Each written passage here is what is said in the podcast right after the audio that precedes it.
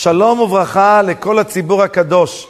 ברוך השם, אנחנו נמצאים בפרשת בו תשפ"ד. היום, אם ירצה השם, אני רוצה לדבר איתכם על יסוד נפלא בפרשה. כשבני ישראל רצו לצאת ממצרים, פרעה נתן, השם נתן לפרעה עשר מכות. פרעה, השם נתן לפרעה עשר מכות. שואלים כל המפרשים, למה לתת לו עשר? שייתן לו מכה אחת ויגמור את הסיפור. פעם אחת יביא מכת בכורות בהתחלה, והכל ייפתר. בשביל מה השם נתן את כל העשר מכות? אמנם בפסוק כתוב, למען רבות מופתי בארץ מצרים, אבל עוד מעט נלמד שיש פה עוד עומק נפלא. דבר שני, אני רוצה לשאול אתכם שאלה מעניינת מאוד, ששואל רב שלוימה קלוגר. במכת הרבה, פרעה התחיל להיכנס למשא ומתן. פשרה. שואל אותו, מי ומי ההולכים? תספר לי מי הולך. אומר לו, משה, בנערינו, בזקנינו, טפינו. אמר לו, בוא נעשה דבר. תשאיר לי ערבון. אתם תלכו, לא תחזרו, אני אפחד. תלכו הגברים, האנשים, את הילדים תשאירו. את הילדים. אומר לו פרעה, אומר לו משה, אנחנו הולכים עם הטף. אתה רוצה לקבל מושג למה אני מוקח איתי את הטף? השם לא אמר לו איזה מכה הוא יביא. אמר לו בוא אל פרעה ותתרבו, לא אמר לו איזה מכה. משה אמר תקבל מכת הרבה. כל חגב, בפני עצמו, הוא לא מזיק. חגב, אתם רואים היום יש חגבים, נחמדים, קופצים, זזים, לא מזיקים. מי יוצר את החגבים לנזק הנורא ביותר שיכול להיות? כשהם באים קבוצה גדולה, אחד משפיע על השני, אוכלים, לא רק שהם אוכלים את כל הצמחים, אוכלים גם את האנשים, הזיקו, היה שם מכה מזעזעת, כתוב שאכלו, תסר מעליי, אמר פרעה, רק את המוות הזה. אמר לו, אם אני אשאיר את הילדים הקטנים פה, אתה תלמד מהרבה. ילד קטן שלא מזיק, כשישאר בלי ההורים שלו עם ההשפעה שלך, הוא יהפך להיות חפצה של מזיק. למען תספר באוזני בנך או בן בנך, נאמר על מכת הרבה. תראה מה כוח השפעה יכולה לקחת ילד טוב ירושלים להזיק לו. פרעה קיבל את המכה, אמר, הבנתי את השיעור. מגיע מכת חושך, אומר, פרעה בוא נעשה עסקה כזאת. לכו הגברים, הנשים, הילדים. תשאירו לי עירבון. תשאירו לי את הצאן והבקר. מה אתם רוצים, קצת קורבנות? קחו קצת קורבנות. אבל יש לכם פה כמויות של עדרים. התעשרתם, תשאירו לי את הצאן והבקר. אומר לו, לא רק שניקח את כל הצאן והבקר, גם אתה תיתן בידינו, אתה תוסיף. אומר רב שלמה קלוגי, רגע, רגע, רגע. כל מכת בכורות על מה הייתה? בשביל צאן ובקר? נותנים לך הזדמנות לצאת. אתם יכולים לחסוך להיות במ"ט שערי טומאה. הלו, כל רגע שהם היו במצרים, הם המשיכו להידרדר. אם היו יוצאים שבוע, חודש קודם, כל מכה הייתה שבוע, חודש היה הפרש בין מכה למכה. היית יוצא חודש קודם, הם לא היו בשער המ"ט, היו שער המ"ם, אני יודע מה. היו באיזה שער הרבה יותר... תוציא אותם מוקדם, בלי לחץ, בלי כלום. למה? בשביל צאן ובקר השאירו אותם במצרים, לוקחים את הסיכון שיצאו בחיפזון בדקה האחרונה. מכת בכורות, צריכים לצאת עם מצות. אומר רב שלמה קלוגר, הקדוש ברוך הוא בא ללמד את בני ישראל. אפילו בשביל צאן, בקר, אני דואג שלא יישאר במצרים. גם מי שאין לו שכל, גם מי שלא מבין, מי שמתנהג כמו בהמה, גם לו אני דואג. ולכן הוא נתן לפרעה עשר מכות. למה לפרעה הוא נתן עשר מכות? אכזר, רשע, כפוי טובה, כל העושר של מצרים בא ממני. קיבלתם חיים רק בזכות יוסף. קיבלתם עושר בזכות יוסף, אשר לא ידע את יוסף. רוחצים בדם הילדים, שוחטים ילדים, זורקים אותם ליאור. גם לרשעים כאלו, הקדוש ברוך הוא נותן עשר צ'אנסים, עשר הזדמנויות. הוא לא נותן להם ליפול. הוא אומר רב שלמה קלוגר, למען תספר, זה תספר. לפעמים אומר בן אדם, אני מאוד רוצה להתחזק, אני מאוד זה, אה, אותי השם לא ירצה, לא ירצה לקבל. זה תספר באוזני בנך ובן בנך. את אשר התעללתי במצרים, כמה נתתי להם עוד פעם ועוד פעם, לא בשביל שחיפשתי סתם. זה קרה כדי שנתתי להם עוד הזדמנות ועוד הזדמנות, וגם אם הם לא ראויים, גם אם הם צאן ובקר, מגיע להם ניסים. מגיע להם ניסים. אני רוצה להביא לכם. לכן כותב השפת אמת, שכל מי שקורא את הפרשיות האלה, אם חס ושלום מגיעים לו איסורים או גלות, הוא ניצל מהאיסורים וגלות. כי הוא יוצא בקריאת התורה, שהוא קרא על כל האיסורים שסבלו בני ישראל, ואין לו את האיסורים ואת הגלות של הדברים האלה. אני רוצה לספר לכם, הגאון, הרב אליהו, אליעזר דסלר, הרב דסלר בא למכתב מאליהו.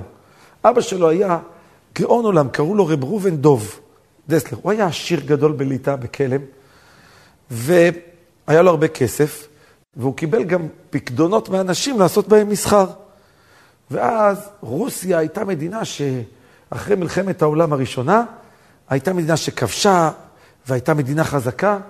הוא ראה שהם חזקים. הוא אמר, מה המטבע הכי חזק והיציב שיש? זה הרובל הרוסי. הוא הלך, השקיע מיליון ורבע רובל רוסי. קנה את כל הפקדונות, כל הכסף שלו שם שם.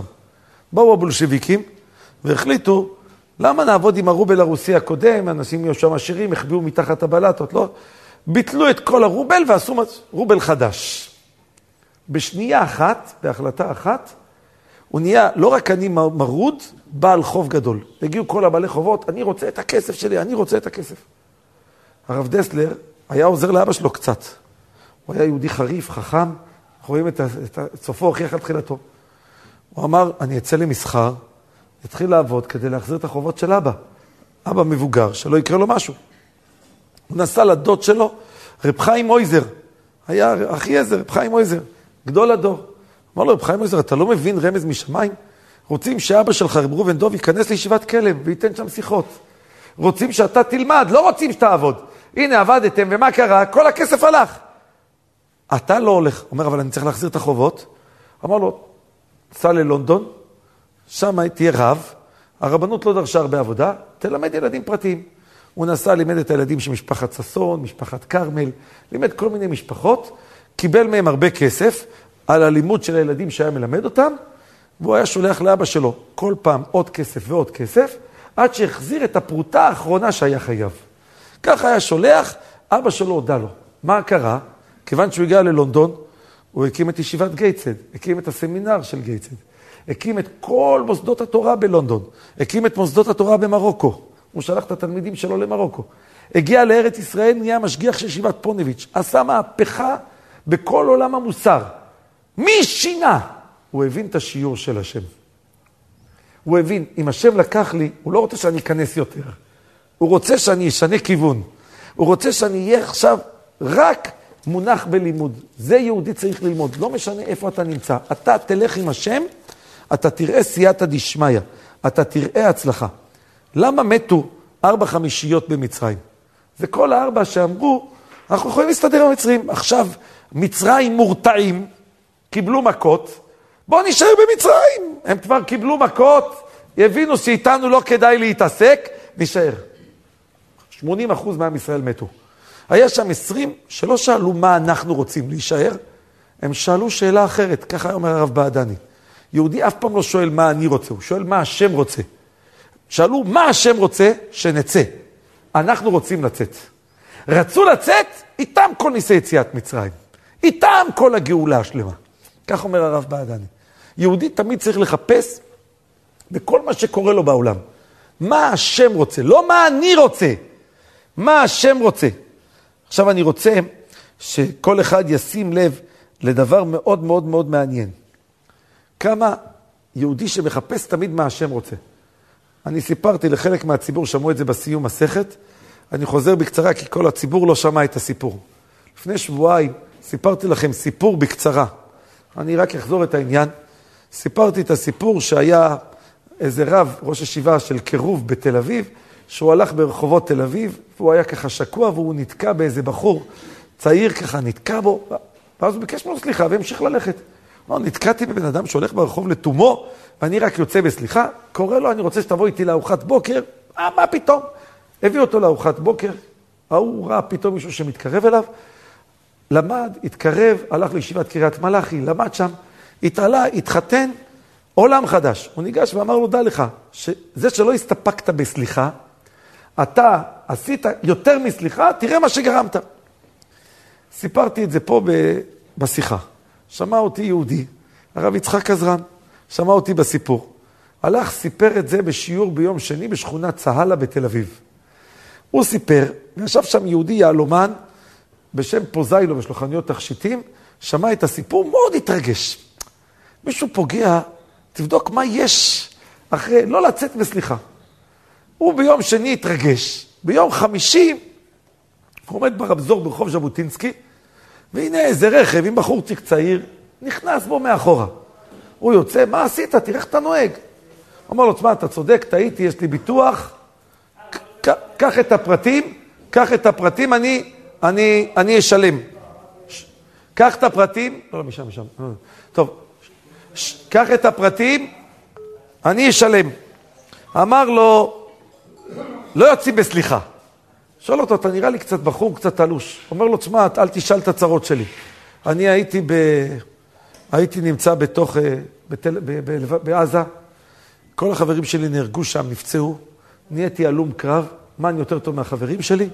אני שבור ורצוץ, אין לי טעם בחיים, אני לא ישן, לא אוכל, איבדתי את החשק, אני מיואש. ואז הוא שמע את זה, חיבק אותו, אמר לו, אני לא צריך את הכסף, אל תשלם לי, לא ביטוח. הוא אומר לו, תראה, גם אני נתקע באנשים, מזיק, לא שווה כלום, בשמה אני חי? למה נשארתי חי? אמר לו, אני אתן לך, לך לשיחות, אני אעזור לך, אני אקרב אותך. ואז הוא דיבר איתו מפה או משם, והצליח, במקום רק לצאת סליחה, להציל אותו. סיפר לי את זה הרב יצחק עזרן, אמרתי לו, תסתכל מה זה. תחשוב, תחשוב איזה דבר מדהים יש פה. יושב פה יהודי, הלום קרב, עשה טעות רצינית, נסע ונתקע ברכב. והקדוש ברוך הוא דואג לאדם כזה, שהוא מנותק, שהוא לא שם לב למעשים שלו, לא אחראי. מה הוא דואג שיקרה איתו? שאותו יהודי, יהיה מישהו שיטפל בו, ידאג לו לטיפולים, אומר שאני אלווה אותו, ישב יבכה איתו, יעודד איתו. אתה לא יודע כמה הקדוש ברוך הוא דואג לכל יהודי ויהודי איפה שהוא נמצא. זה הסוד שכל אדם צריך תמיד לראות. אני רוצה רק להביא לכם דבר נוסף שכל אחד ידע בסייעתא דשמיא. כל אחד ישים לב דבר מאוד מעניין. שבט לוי, אף פעם לא שמתי לב, זו פעם ראשונה. יש כמה פירושים מי קרא לו את השם לוי. לפי אחד הפירושים, מי קרא לו את השם לוי? אימא שלו. אתה ילווה אישי אליי. כתוב בחז"ל, מה זה אתה ילווה? עד היום היה ליעקב קפידה עליי. מה זה? שיקרת אותי, כי אמרת לי שאת רחל ואת לאה. כשהוא יראה שקיבלתי שלושה שבטים, לא שבט אחד, כמה קיבלתי? שלושה שבטים, אז זה כבר קיבלתי את כל חלקי, יפסיק להקפיד. יוצא שלוי נולד כשהוא בא לפייס את האחרים. לוי נולד, מה, מה, הוא בא, מה, מה קרה עם לוי כשהוא נולד? הוא בא לפייס שיעקב לא יקפיד. הוא אומר, לכן לוי תמיד עשה שלום בין ישראל לאביהם שבשמיים. לוי הוא זה שמלמד תורה. משה רבינו בא משבט לוי לגאול את ישראל ממצרים. כי מהלידה של לוי כבר היה את הקפידה שהיה ליעקב הלאה, שר הכל הקפידה. כמה אדם, כך כותב בספר משפטי התורה, כמה אדם שבלי שהוא מתכוון אפילו, שהוא עושה פעולה, איזה, איזה השלכות יש מהפעולה שלו, איזה הדברים, השלכות יש מהפעולה שלו. התורה כותבת בפרשת השבוע שבמכת הרבה, ואחריו לא יהיה כן. מביא הרמב"ן בשם רבינו חננאל. הוא אומר, אומר הרמב"ן בשם רבינו חננאל, שיש פה הבטחה לדורות, שגם אם ייכנס הרבה לארץ ישראל, למצרים, גם אם יהיה הרבה, לא יאכל. יהיה הרבה במדבר סהרה, יאכל. במצרים עד היום. הוא אומר, אלפי שנים כולם יודעים שהרבה לא אוכל במצרים כלום. שואלים כולם, מה, הם מקבלים פרוטקציה? הרבה של מצרים מקבל פתאום, אה, מצרים מקבלים מתנה, לארץ ישראל יבוא הרבה. מצרים קיבלו פרוטקציה שלא יקרה להם כלום. שמעתי כי המצרים באותו רגע שהם קיבלו את מכת הרבה, והם התחילו להיכנס למשא ומתן, היה להם ערעור תשובה. חבל שלא שמענו למשה. הערעור תשובה שהיה לרשעים כמו מצרים, תראו מה הוא גרם להם. שלדורי דורות יש הבטחה אלפי שנים, במצרים אף הרבה לא יזיק. אף הרבה לא יזיק. אני רוצה לספר לכם. בואו תראו את ההשלכות שיש מכל מעשה. יש יהודי אחד, הרב זילברשטיין, סיפר, יש ספר שקוראים לו זיכרון משה. מספר שם הרב זילברשטיין סיפור. יש שם יהודי שקראו לו רב צבי מאיר פלגברגר. פלברגר. הוא היה בפולין ונסע לברלין אחרי מלחמת העולם הראשונה, והוא פתח לו לעצמו חנות של כלי פורצולן. הוא הביא כל מיני כלי פורצולן מאוד מאוד יוקרתיים, והגרמנים הם יקים, הם אוהבים אה, כלים פורצלן יפים. הגיע אליו איזה גרמני וקנה ושילם לו עשרת אלפים מרק בטעות פעמיים. כאילו הוא לא שם לב שהוא שילם פעמיים. לא היה שום ראייה, שום דבר. והיהודי הזה אמר, אני לא גונב מגוי, אפילו שאבדת גוי מותרת. הלך אליו, אמר לו, הבאת לי בטעות פעמיים, אני מחזיר לך. אמר לו, אני מבטיח לך שאני לא אשכח לך את זה לחיים. בחיים. את מה שעשית למעני, אני לא אשכח לך. מספר שאותו גוי, אותו זה, נהיה נאצי, ראש הגסטאפו בברלין. כשהתחילו כל הדברים, הוא אמר להם, אם אתם פוגשים מישהו ממשפחת פלבגר, אתם מביאים אותו אליי. אתם לא יורים בו, לא הורגים אותו, לא שולחים, מביאים אותו אליי. הוא באמת ראה שמתחיל להיות בברלין בלאגן, ניסה לברוח עם המשפחה, תפסו אותם בגבול, הם קיבלו הוראה, מביאים אותו למפקד הראשי. הגיעו אליו, אמר להם, אתם החזרתם לי עשרת אלפים מרק כשלא הייתם צריכים להחזיר, נתן להם אישורים, תברחו. ברחו להולנד, הגיעו להולנד, הסתתרו בבית, במרתף של אחד מחסידי אומות העולם, עד סוף המלחמה כל המשפחה. הבעלות הברית תפסו את הנאצי הזה ורצו להשפוט אותו לתלייה. הוא אמר להם, אתם אומרים שאני הרגתי אלפי יהודים? זה נכון, אבל אני גם הצלתי משפחה. והוא שלח לו מכתב מהבית סוהר, שיבוא להעיד שהוא הציל אותו. ואותו יהודי היה בדילמה עצומה. מצד אחד, הוא באמת הציל אותו. מצד שני, מה, אני אעיד על מי שרצח אלפי יהודים באכזריות נוראה? אבל אני חייב לו הכרת הטוב. הוא התלבט מה לעשות, הוא החליט שהוא יבוא ויספר למה הוא הציל אותו. הוא לא הציל אותי כי הוא אוהב יהודים, לא כי הוא ריחם, הוא הציל אותי כי אני עשיתי לו טובה. זה הביזנס. הוא אומר, אבל הוא היה כל הדרך בהתלבטות. כשהוא הגיע, התברר שהוא הגיע למחרת, כבר יום קודם תלו אותו. ואז הוא חסך את כל העדות להעיד על אותו נאצי. אבל אמר, תראה, משפחה שלמה גרה בגרמניה, נתפסה, לא נהרגה, על מה? מעשה טוב אחד, עם גוי. תראה מה ההשפעה של מעשה טוב אחד. ערעור תשובה של המצרים, תראה מה גרם להם. עולם שלם. אתם רוצים לראות מה זה ערעור?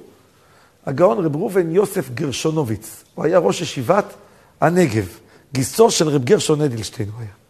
הוא אמר, וורט עצום, על הצדיקים. אתה יודע מי זה צדיק? כשחז"ל אומרים צדיק, זה צדיק. על החסידים, כל אלה שלפנים משורת הדין. על זקני עמך בית ישראל, כל הזקנים, הדור הקודם, אלה שהיו תמימים בעבודת השם.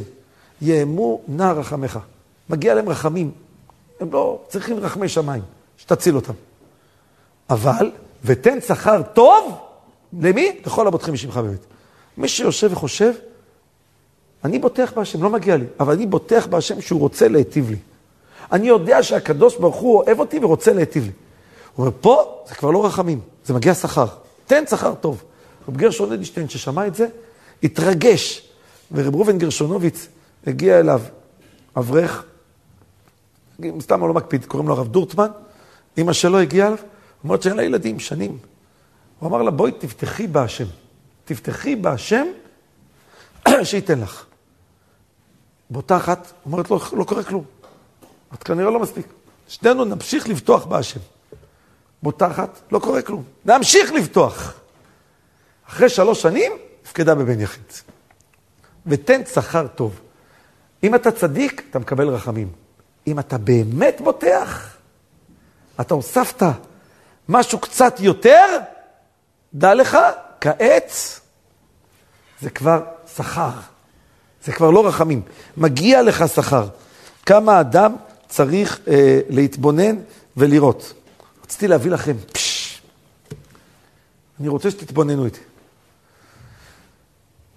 כתוב, אומר הגאון רב חיים קמיל, כך הוא אמר. בואו תשמעו משהו. בנימין, הטמינו לו את הגביע. כל בני ישראל הוא רשע, עוכר ישראל, שונא ישראל, אנטישמי, גוי, מעליל עד מרגלים, מתעלל, הורדנו את בנימין, נכנסו, כיבד אותנו, אכלנו, שתינו, השתכרנו. יצאנו בשלום. לפני שהם עומדים, אתה יודע, לעבור את הגבול, מגיע מנשה, מה גנבת את הגביע? חשבו כבר שגמרו, עוד פעם עכשיו נפל צרה. מתחיל לחפש, מוצא את הגביע באמתחת בנימין. אומרים חז"ל, כל השבטים כל כך כעסו על בנימין. תגיד, אתה נורמלי? אתה יודע איזה סכנה אנחנו נמצאים? אתה ראית איך אבא לא רצה שנרד, כל הבית נשאר ברעב. נתנו לו מכה על הכתפיים. גנב בן גנבת. אומרים חז"ל, זכה בנימין, בין כתפיו, קיבלת מכות בכתפיים לחינם, בין כתפיו שכן. בית המקדש בחלק של בנימין. אתם יודעים שבית המקדש, רק איפה שהמזבח והמשכן, הוא בחלק של בנימין. אבל כל האזהרה היא בחלק של יהודה. למה? אומר רב חיים קמיל שכתוב בחז"ל, שהיחיד שלא נתן לו מכה זה היה יהודה. עכשיו תבינו, מי שהסתבך זה יהודה הכי רציני, כי הלא הוא לקח, אם אני לא מחזיר אותו, אין לי לא עולם הזה, לא עולם הבא. יש לו אישה, יש לו ילדים, פרץ וזרח, תינוקים ב... אצל יעקב. יושבים הילדים שלו, עכשיו, או שהוא במקרה הכי טוב, הוא יהיה עבד במקום אה, יוסף, במקום בנימין. אם הוא יהיה עבד במקום בנימין, המשפחה הלכה. מי היה צריך לכעוס הכי הרבה על בנימין ולתת לו מכה בכתפיים? יהודה. יהודה, שהוא הכי הסתבך, התגבר על עצמו ולא נתן לו מכה. זכה יהודה א', שבית המקדש בחלקו גם כן, על ההתגברות הזאת. לא רק שהוא בחלקו, קיבל מלכות לנצח, מלכות לנצח. ואם בנימין היה מקבל מכה גם ממנו, היה ברך את כל ירושלים. לפעמים אתה רואה מכה, אבל תדע שהמכה היא לא מכה, היא לטובתך. זה יהודי שבוטח בהשם, יהודי שחי עם השם, מבין שאני, לא משנה איפה אני נמצא, מה שאני עושה. אני תמיד הולך עם הקדוש ברוך הוא בכל מצב, בכל מקום, אני לא, לא נרתע, לא עושה כלום. כמה אדם צריך לדעת לחיות עם האמונה. ראיתי סיפור, אני לא זוכר איפה קראתי אותו, מאוד נהניתי ממנו. שהיה אחרי הקורונה, אז התחילו קצת לצאת. היה שם יהודי שהוא, יש לו בתל אביב גלריה, הוא צייר, אומן, שהוא ברוך השם חזר בתשובה. הוא החליט לנסוע להתפלל במניין בבית הכנסת. הוא התפלל ביחידות באזור שלו, לא היה מנייני קורונה מתחת הבתים, בחצרות. אז הוא אמר, נותנים רשות, אני הולך לבית הכנסת. היה שם חניה, מי שיודע, בתל אביב, מקום אסור. עכשיו היה קורונה, גמרו, אני חונה פה, מי יתפוס את הרכב שלי? הוא יוצא מהמניין, מהבית כנסת, הוא רואה שהפקחים הראשונים שחזרו לעבוד בתל אביב. גררו לו את הרכב, עד שהוא שחרר את הרכב, אלפיים שקל. הוא ניגש לרב, הוא אומר לו, תשמע, אני באתי למניין, פעם ראשונה אחרי תקופה, אלפיים שקל, הלך ככה, מה הקדוש ברוך הוא רוצה ממני? אמר לו הרב, השם רוצה לתת לך פי עשר מאלפיים. אם אתה לא תשאל שאלות, למה הפסדת אלפיים שקל? טוב, הוא שומע את זה, הוא נכנס לגלריה שלו. פתאום איזה שכן שלו דופק, אומר לו, שמע, הייתי בבית חנוק, החלטתי שאני יוצא, נכנס. מתחיל לדבר איתו, מה קורה, עניינים. ובינתיים הוא מסתכל על ציורים. הוא אומר לו, תגיד לי, כמה עולה הציור הזה? אז הוא אומר לו, הרב אמר לי שאני אקבל פי עשר מאלפיים שקל. אז הוא אמר, כמה זה פי עשר מאלפיים שקל? עשרים אלף. הוא אמר הציור הזה עולה עשרים אלף שקל. אמר לו, קיבלת. אז הוא אומר, הבנתי שהרווחתי עשרים אלף שקל. סיפר רב מוישה בויר שהייתה משפחה, שאיזה מישהו, משפחה אחרת, פגעה בה פגיעה נוראה. פגיעה רצינית. והיה עוול. ואז המשפחה הנפגעת הגיעה לרב אריה שכטר, ואומרת לו, רב אריה, תראה איך שדיברו עלינו, תראה מה עשו לנו, שפכו לנו את הדם. אמר להם רב אריה שכטר, תשתקו, תחכו, תראו שרק תרוויחו. הוא אמר, מה נשתוק? תראה מה שהוא עשה. הוא אומר, רב מוישה בויר, אני עמדתי בצד, ונשרף לי הלב, מה זה? צריך לצעוק עליהם, לכתוב. אומר, הם שתקו. אומר, עברו שנתיים, שלוש, המשפחה שנפגעה, האבא קיבל משרה רצינית, האימא התקדמה בעבודה, הצליחה מאוד, והמשפחה הפוגעת נפלה. הוא אומר, הם, למה אתה צועק? אתה מרגיש שהוא מפסיד. אבל מי שאומר, אני לא מפסיד, אני הולך עם הקדוש ברוך הוא, לא יש רווח. אני מספר לכם סיפור, הוא היום סיפר לי את זה ידידי רב צבי נקר, שמשבק של אחד מהאדמו"רים פה בחסידויות בבני ברק, סיפר לו, אומר לכם את השם, יש יהודי שגר במונסי, בוויז'ניץ מונסי, קוראים לו רב מוישה גרין. רב מוישה גרין הוא משגיח כשרות על כל המאפיית מצות של ויז'ניץ מונסי. עכשיו פתאום ראה שם איזה עובד, אחד, שהוא קצת אה, לא טוב. העיר לו, תיזהר, תפסיק. הוא ממשיך הלאה, הוא רואה את הבן אדם ממשיך לעשות... אה, יכול להיות שהוא היה הבעלים של המאפייה. עוד פעם עושה, מעיר לו פעם שנייה. ההוא לא, לא מגיע, ממשיך הלאה, כאילו לא דיבר איתו. הוא ניגש אליו פעם שלישית, העיר לו. לפני שאני ממשיך, אמר לי, זה יסוד גדול בחינוך, אמר לי ראש ישיבה אחד, שהוא היה אצל הרב שטיינמן, אמר לו, לתלמידים תעיר, אבל אל תנדנד. הורים, אל תנדנד. ההורים גם לפעמים מעירים לילד, תעיר לילד, אבל אל תנדנד לו. לא עוד פעם ועוד פעם ועוד פעם ועוד פעם. אמרת, אבל כנראה הוא קצת אה, נדנד לו יותר מדי, ההוא איבד את העשתונות, ליד כולם, תפס את רב מוישה גרין הזה, שהוא המשגיח שם והרב, צעק עליו, מי אתה שתגיד לי, אפס מאופס, והרים עליו יד. כולם עמדו, ומיד רב מוישה גרין אמר, רבותיי, לא ידעתי שאני ככה, שאתה כל כך אה, סובל, כנראה יש לך איזה משהו בלב, שלא ידעתי ש... שעשיתי לך, אני מבקש בפני כולם סליחה שככה נדנדתי לו ופגעתי בו. ההוא פתאום ראה שככה, במקום לצעוק עליו, הוא מבקש ממנו סליחה, הוא איבד את העשתונות. הוא אומר לו, אה, יאללה, איך נתתי, מה עשיתי, אני מבקש סליחה. מה שקרה, לרב מוישה גרין היו, היה בן ששתי הבנות שלו התחתנו ושתיהם התגרשו. והוא היה שבור, הוא אומר, בכלל לא היה להם גירושים במשפחה, אבל שתי בנות, שתיהן נשואות, שתיהן מתגרשות. אמר רבי יהושע הסבא, רב מוישה אמר הסבא, אני את הביזיון שהיה לי ואת ההתגברות, מקדיש למען שתי הבנות שלי. ובאמת, בסייעתא דשמיא, שתי הבנות התחתנו. אבל לא נגמר הסיפור. הבת הראשונה התחתנה. עם מי הבת השנייה התחתנה? הנכד של רב מוישה גרין הגיע לאיטקוביץ'. הוא רואה שיש מניין, אז הוא ניגש לעמוד. היה שם איזה אדם מבוגר שאסף את המניין, כי הוא היה חיוב. עכשיו, הבחור לא ידע שיש פה מישהו שאסף את המניין. אתה יודע, עומד מישהו בפתח בשטיבלח באיטקוביץ', מנחה, מנחה, צועק, אז, אה, אז הוא ראה שכבר יש מניין, ניגש. ההוא ניגש אליו, חצוף, טיפש, בחורצ'יק צעיר, מה אתה, זה, מי, מה אתה ניגש פה להיות חזן? מי אתה שתיגש להיות חזן? תלך מפה, אני אוסף את המניין. צעק עליו. הוא אומר לו, סליחה, לא ידעתי ש... אתה צעק עליו, היה כולו. ההוא, כל האנשים נבהלו, הבחור מסכן מרוב אלבין, יצא החוצה. הוא יוצא החוצה, רודף אחרי בחור מבוגר. הוא אומר לו, תשמע, אני בחור מבוגר, ראיתי שביזו אותך, תבקש, תברך אותי, שאני אתחתן. ברך אותו. מי היה החתן של הבת השנייה שהתגרשה? הוא מגיע לוורט, זה היה אותו בחור שביקש את הברכה. אספר לכם את הסיפור, אני אומר לכם את השמות, יכולים לבדוק את, את הכל. קיבל שתי ביזיונות, ובשתיהם הוא אמר, מה השם רוצה? לא מה אני רוצה. הוא לא שאל מה אני רוצה, אני רוצה להחזיר לו מנה אחת אפיים, מה, מה עשיתי? מה, מה אתה צועק? תגיד, מה, מה, מה אתה צועק עליי? השם רוצה שאני אשתוק. כשיהודי, כל כך אהבתי את המשפט של הרב בעדני, בכל מקום, כל שאלה שיש לך בחיים, אל תשאל מה אתה רוצה, תשאל מה השם רוצה. ואתה תעשה את מה שהשם רוצה ותראה שתסתדר.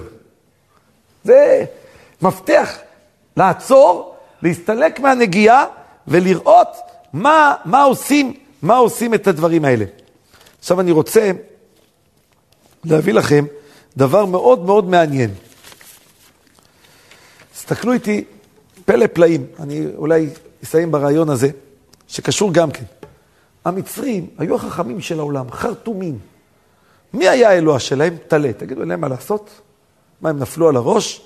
מה, מה, מה, מה זה הרעיון לעבוד את הטלה? אני רוצה שתשימו לב. שמעתי רב מוישה בויר אמר רעיון יקר. הוא אמר, הטלה הוא לא חכם, הוא לא יפה, הוא צועק כמו כבש, הוא תמים, אין בו שום דבר. אבל הוא עושה מה שבא לו. אף אחד לא אומר לו מה לעשות. המצרים אמרו, לא מאוד אותנו השלכות, לא מאוד כלום. תן לי לעשות מה שבא לי. זה ערוות הארץ, זה מצרים. המידה שהיה למצרים, אני אעשה מה שבא לי. עובדים את הטלה. אתה רואה את הכבש?